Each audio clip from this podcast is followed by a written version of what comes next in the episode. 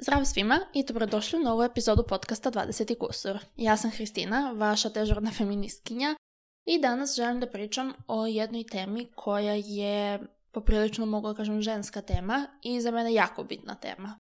Danas želim da pričam o ženskoj solidarnosti i pokriću teme šta je to solidarnost, zašto nam je ženska solidarnost danas i dalje potrebna, i šta se krije iza negativnih narativa koje žene šire o drugim ženama. Pre svega, e, želim da krenem sa tim koji je neka moja perspektiva sa kojom ulazim u ovu priču. Ja sam neko ko ne voli da kritikuje žene, sem kada smatram da je to baš neophodno u pogledu da može da doprinese poboljšanju u društvu. Jer smatram da celo društvo i većina pojedinaca već dovoljno kritikuju i osuđuju žene, i kada ima povoda za to i kad nema povoda za to. Mislim, samo ako pogledamo ceo socijalni narativ oko tinejdžerki, poprilično nam je jasno. S druge strane, kad god postoji pogodna situacija, ja sam spremna da usmerim konstruktivnu kritiku, osnovanu, muškarcima. Ovo radim mnogo češće definitivno nego što kritikujem žene, zato što smatram da muškarci imaju na mnogo čemu više da rade i prosto smatram da je njihovo menjanje trenutno mnogo bitnije i veće koje treba da se desi nego male promjene kod žena. To ne znači da ne postoje stvari kod žena koje treba da se menjaju i to ne znači da su svi muškarci loši, već da je sistem trenutno u tom stadijumu. Tako ja to vidim. Ovo je moj lični izbor koji ja svesno pravim i zaista me ne interesuje ako neko im misli da ja preterujem ili da prosto da se neko ne slaže sa mnom, to je super, vaše mišljenje. U ovom slučaju ga zadržite za sebe, jer ovo nije nešto što će se promijeniti. S druge strane, ako postoji jedna stvar oko koje ću ja uvijek da izaberem da usmerim konstruktivnu kritiku i da skrenem pažnju ženama, to je njihovo neosnovano loše ponašanje prema drugim ženama. Želim par stvari ovdje da objasnim.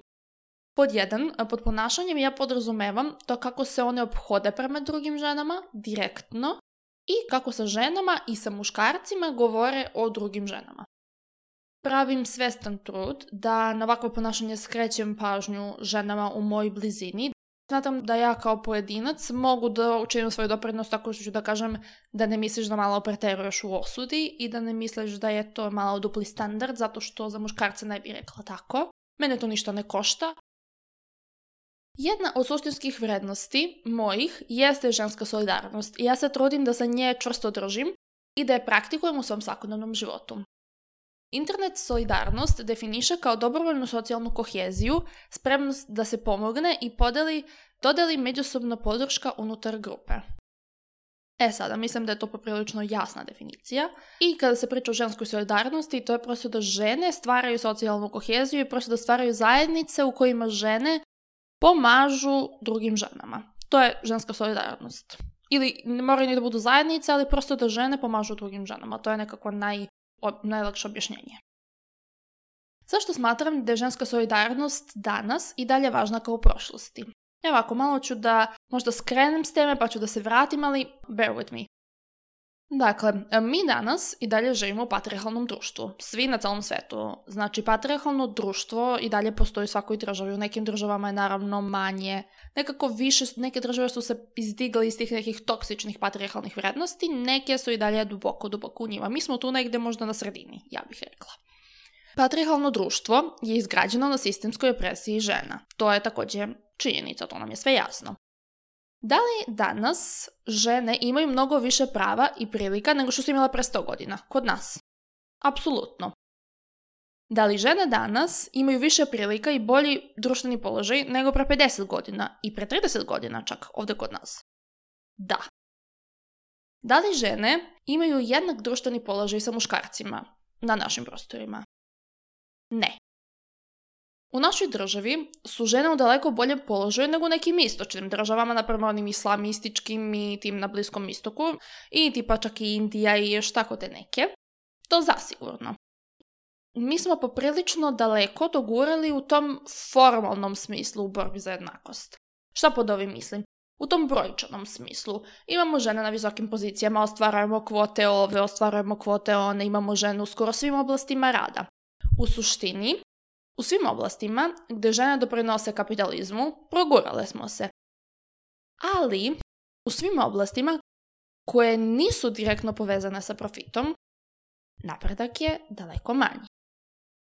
Nemojte da se zavaravate da se to u kapitalizmu i u poslovnoj sferi desilo zato što su, ne znam, muškarci otvorili oči i shvatili da žene zaista zaslužuju prava, bla, bla, bla. Žene su mnogo vredni radnici od muškaraca u tradicionalno muškim oblastima rada. Zašto? Zato što one moraju da rade tri puta bolje, a samim tim i više, nego muškarci u tim oblastima na tim istim pozicijama kako bi ih prihvatili i procenjali kao vredne, to jest kao podjednako vredne drugim muškarcima. Kada žena napravi istu grešku, koju napravi muškarac, žena će da dobije na toj nekoj poziciji pet puta veću osudu od strane zajednice nego muškarac koji bi napravio tu istu grašku na poslu. Nebitno da ona mala ili velika. Pogotovo kada je velika.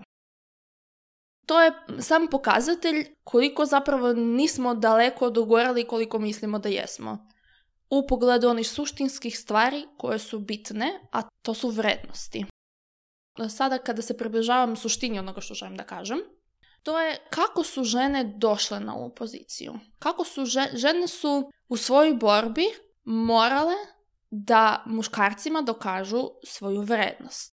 Znači u svom procesu penjanja na tu neku visoku poziciju ili na bilo koju poziciju, žene su često morale, često, najčešće morale da postanu iste kao i ti muškarci. Znači, ovaj svet poslovni je bio muški i sad umjesto da ga napravimo tako da se prilagodi i muškom i ženskom. Mi ćemo prosto da zahtevamo od ženskog pola, od ženskog roda, od žena, da se prilagode tom poslu. Iako su ta prilagođavanja možda loša i možda nuštrb svakakvih nekih stvari. I dolaze sa milion jednom preprekom za žene s koje ne dolaze za muškarce. Ali pojenta je da su žene morale da se asimiliraju u sredini. Što znači da postanu iste kao i ti muškarci. A ovo je značilo da su žene češće morale nego što nisu morale da gaze druge žene kako bi se uzdigle. Odličan primjer ovoga, ako mi ne verujete, je Girl Feminizam. Stavit ću link u opisu. Ima epizoda Ona se budi, odličnu priču o asimilaciji žena na radnom mestu, također generalno o girl feminizmu i o tom whitewashed feminizmu na stavit ću opis. U svakom slučaju ima odličnih videa na tome, o tome na youtube Ali taj girl boss feminizam koji se dešava 2010. godina i to relativno do negde skoro je zapravo bio odličan pokazatelj toga da žene da bi postale, da bi stvorile te kompanije koje su bile jako dobro su zapravo stvarale podjednako toksične radne sredine kao muškarci, što je samo pokazatelj da su žene postajale iste kao muškarci da bi došla na njihov nivo, što ne pokazuje nikakav pravi progres u pravom smeru. Žene koje su, bila, koje su to radile su podjednako loše kao i muškarci koji su to radili. Da se sad ja vratim na svoju temu. Sigurno sam da smo svi čuli za izraz pick me, kojim se opisuju žene. Evo sad Urban Dictionary, zato što je to pre svega jedan validan izvor informacija, razume se definiše pikmi kao ženu koja je spremna da uradi bilo šta kako bi dobila odobravanje muškaraca, na da se osramoti ili da ponizi druge žene. Nažalost, obično su muškarci do kojih ovakva žena dolazi, od kojih ona traži odobravanje na ovaj način, i sami ili oni koji tretiraju žene loše. Sada sam malo parafrazirala, ne umam ni da pročitam jednu rečenicu očigledno. U svakom slučaju, poenta je Pikmi su žene koje su spremne da urade bilo šta kako bi dobile odobravanje muškaraca. I ovo je jako bitno. Koliko god ova fraza bila, kao i sve druge, i mi imamo jedan veliki problem, a to je da svi koncepti koji su bitni i koji pokazuju neke bitne stvari, u jednom trenutku postanu toliko banalizovani svojom preteranom upotrebom, zato što ne znam, prosto, prosto krene preterano da se koristi, krene da prosto postane slang i izgubi svoj smisao, kao naprimjer pick me. A to je poprilično dobar i bitan koncept. Evo zašto. Pick me, koje je ponašanje, pre svega, znači način govora, način gestikulacije, um, konkretno ponašanje, je ukorenjeno u dobro poznatoj nama, sad ćete da oči opet, internalizovanoj mizoginiji. To u suštini znači da je pikmi ponašanje žena nus pojava sistema vrednosti. Sada sam odebacila milion fraza, ali bear with me, sada ću da objasnim. Ovo ponašanje je nuspojava odrastanja u društvu koje više ceni tradicionalno muške asocijacije i stvari koje su se tradicionalno vezivale za muškarce i muški pol, od tradicionalno ženskih asocijacija i stvari koje su se vezivale za ženski pol i daje moć osobama muškog pola. Kada kažem moć, ja ne mislim samo fizička moć da te premije, iako je to definitivno jedna od redkih moći koje zapravo vjerojatno većinu muškaraca ima nad ženama, ako ćemo da gledamo realistično, već ja mislim na socijalnu moć, koja je podjednako bitna. Ako izuzmemo element toga da neko može da te ubije, bitnija od fizičke moći. Internalizovana mizoginija je nešto što se smatra da je mizoginija kod žena, koja ne mora da označava konkretno mržnju, iako mizoginija je vezana za mržnju, ali je default odrastanja u patriarchalnom društvu. Ovo znači da svaka žena u sebi ima negativne osjećanja prema drugim ženama koja nisu osnovana. Isto tako, svaka žena ima negativna osjećanja prema sebi koja nisu osnovana. Nemojte sada da mi dolaze e, oni koji će da mi kažu i muškarci imaju negativna osjećanja prema sebi. Svako ima negativno osjećanja, nije isto. Znači, molim vas. Da nastavim dalje. Ono što mi je bitno da naznačim jeste da internalizovana mizoginija je daleko veći koncept od pikmi ponašanja ili bilo kakvog ponašanja. Sad ću da objasnim zašto. Pikmi ponašanje je orijentisano ka dobijanju pluseva od muškog roda u prisustvu tog istog muškog roda. Znači, kada ste u muškom društvu i onda vi bacite neku opasku na račun žena, ili ne znam, sa nekim potencijalnim muškim partnerom pokušavate da isaknete zašto vi niste kao sve druge žene, to je pikmi ponašanje. S druge strane, internalizovana mizoginija je mreža uverenja koja su blisko povezana sa percepcijom vrednosti sebe i percepcijom vrednosti drugih. I kao takva, ona utiču na širok spektar ponašanja. Ovo znači da žene iskazuju ovo uverenja i bez muškaraca prisutnih u tom trenutku. I u situacijama koje uopšte nisu povezane sa muškarcima. U situacijama koje su povezane sa drugom ženom ili, na primjer, sa nekoliko drugih žena ili sa samom sobom. Najplastičniji primjer internalizovane mizoginije je ono što se trenutno dešava kod nas u pogledu, kod nas, kod nas mislim svuda, u pogledu plastične hirurgije i hiruških zahvata i svega toga. Žene negoduju i negativno govore o drugim ženama koje su radile neke zahvate na sebi. E sada, tu imamo dva tipa žena. Imamo one žene koje negativno pričaju o drugim ženama koje su radile zahvate uvek u svakom pogledu. Imamo druge žene koje govore o ženama negativno, o, za, o tim zahvatima i tim ženama koje su radile te kozmetičke zahvate. Onda kada to pređe neku granicu pod znacima navoda ukusa dobrog ukusa ili šta god to trebalo da znači. Ukus je, koliko ja znam, subjektivna stvar, nije nešto što je objektivno određeno, ali mi žene i muškarci volimo da se pravimo kao da mi imamo ukusa i da je naša granica ukusa za žensko bilo šta, ukus koji treba da bude objektivno taj, a ne kao da je to nešto naše subjektivno. I onda u onom trenutku kada nama to više nije ukusno, to ne valja. U svakom slučaju, tu također postoji ta mržnja, ako tako mogu da kažem, prema toj ženi zato što će ona da dobije mušku pažnju. I muškarci, koliko god da pričaju, meni je to ružno, meni je nešto neukusno, oni će to i dalje da gledaju. Porno industrija je čist primar toga. Znači, oni jedno pričaju, a drugo klikću. I sada, to možemo da uzmemo kao primjer koliko internalizovana mizoginija, ako izuzmemo muškarce, može da bude povezana i direktno sa tim nekim nesigurnostima u sebe koje se projektuju na drugu ženu kroz neodobravanje te žene ili još gore govor mržnje prema toj ženi. A onda ako ubacimo muškarcu u jednačinu, još sto puta gore. Ono što mene fascinira u svemu ovome su žene. Nekada ne mogu da verujem, sada ovo pokušavam da kažem iz mesta koje nije osuđivanje, već izneverovanje, bukvalno. Znam da to nije reč, ali bukvalno izneverovanje. Ja ne mogu da verujem da u 21. veku, 2020. godini, ja i dalje slušam od mladih, pametnih, obrazovanih, visoko obrazovanih žena da nazivaju druge žene kurvama. Meni je to šokantno. Ovo je jako bitno, o ovome se ne priča dovoljno. Kada to čujem, meni nije dobro. Jako često, ne, ja ne znam, da li se kaže jako, mislim da se kaže mnogo često. Reći ćemo često.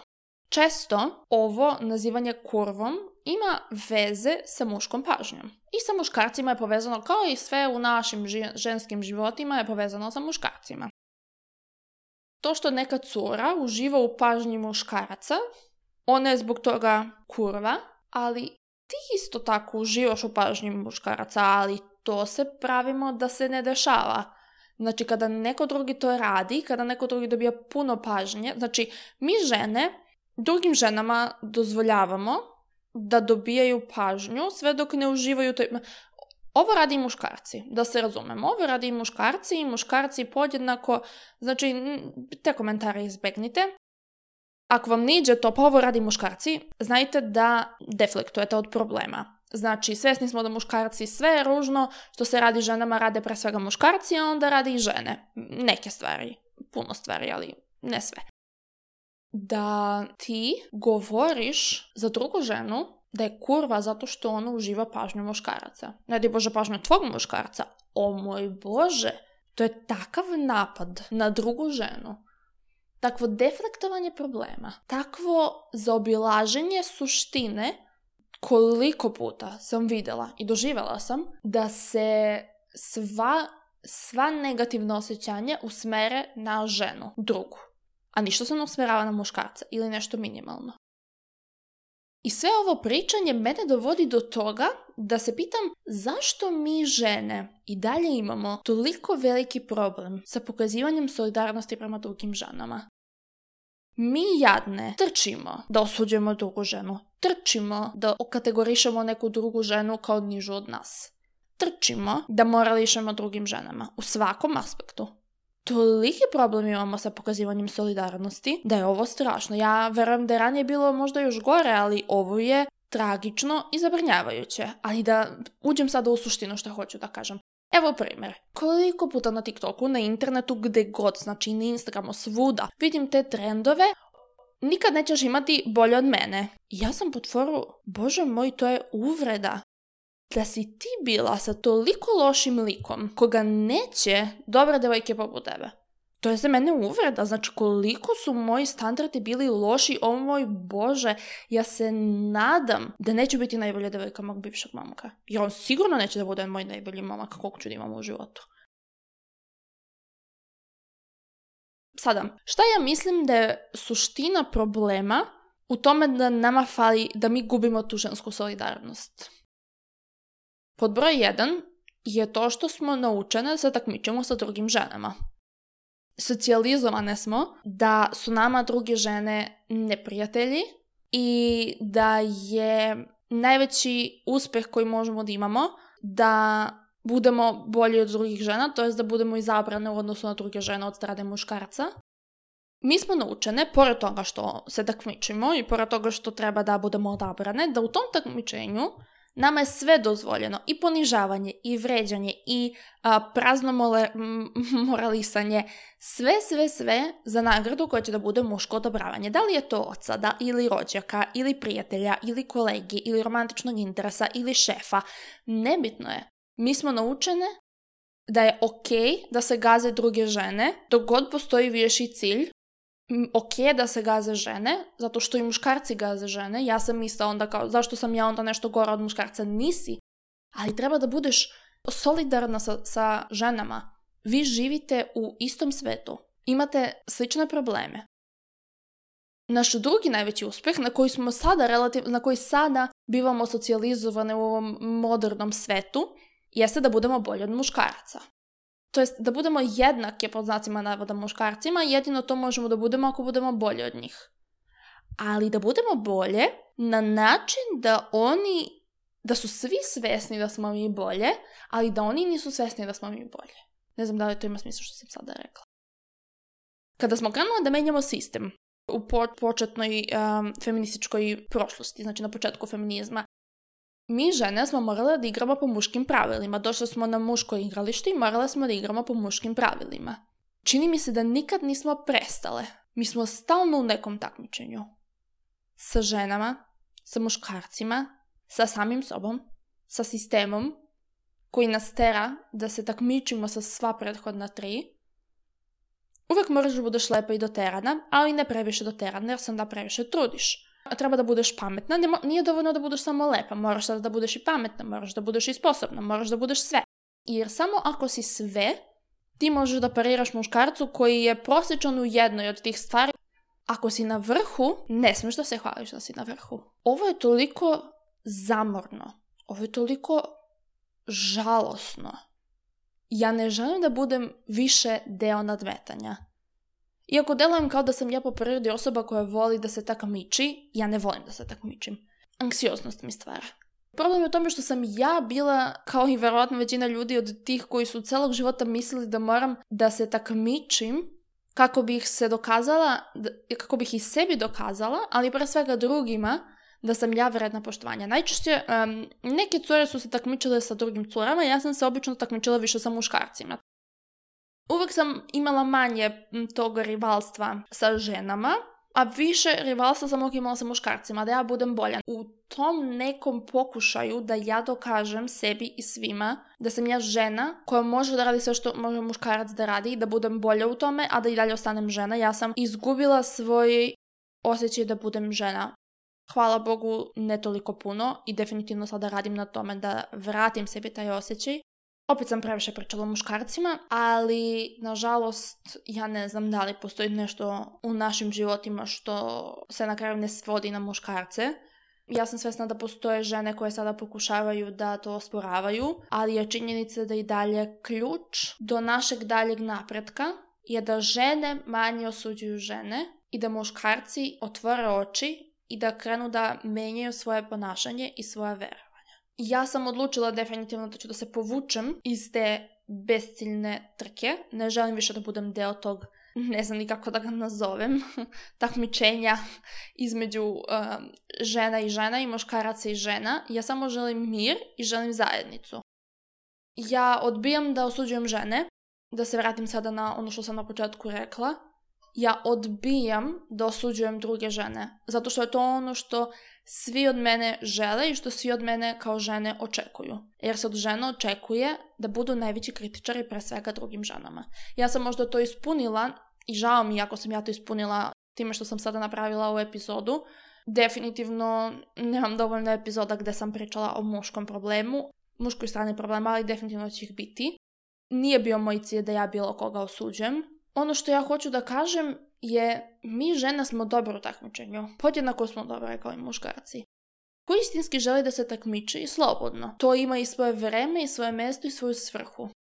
Ali ja verujem da nama treba za druge žene stvoriti prostor podrške, treba empatija, treba više solidarnosti, više empatije i jača zajednica. Želim da odgovorim za kraj na pitanje koje sam postavila na početku kada sam rekla zašto nam je ženska solidarnost potrebna podjednako kao i ranije. Ja sam puno pričala o tome u ovoj epizodi, ali mislim da nisam rekla koncizno.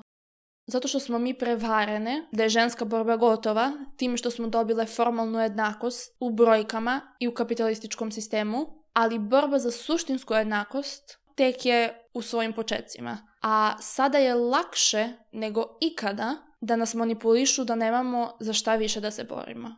I u tome im uspeva. Ja ne želim da to bude slučaj i ja se borim protiv toga, svim svojim srcem i tek ću da se borim. I smatram da moramo mi kao žene da otvorimo oči, stavimo prst na čelo i da kažemo sebi možda ti treba još malo da se prepitaš.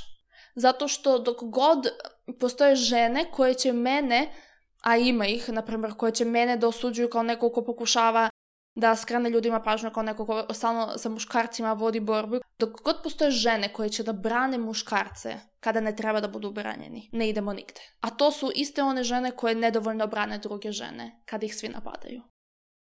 To je to za ovu epizodu. Nadam se da sam uspjela da prenesem tu poruku koju imam. Definitivno ovo, ovo je prvi put, ali nije posljednji put da ću da pričam o ovoj temi na različite načine.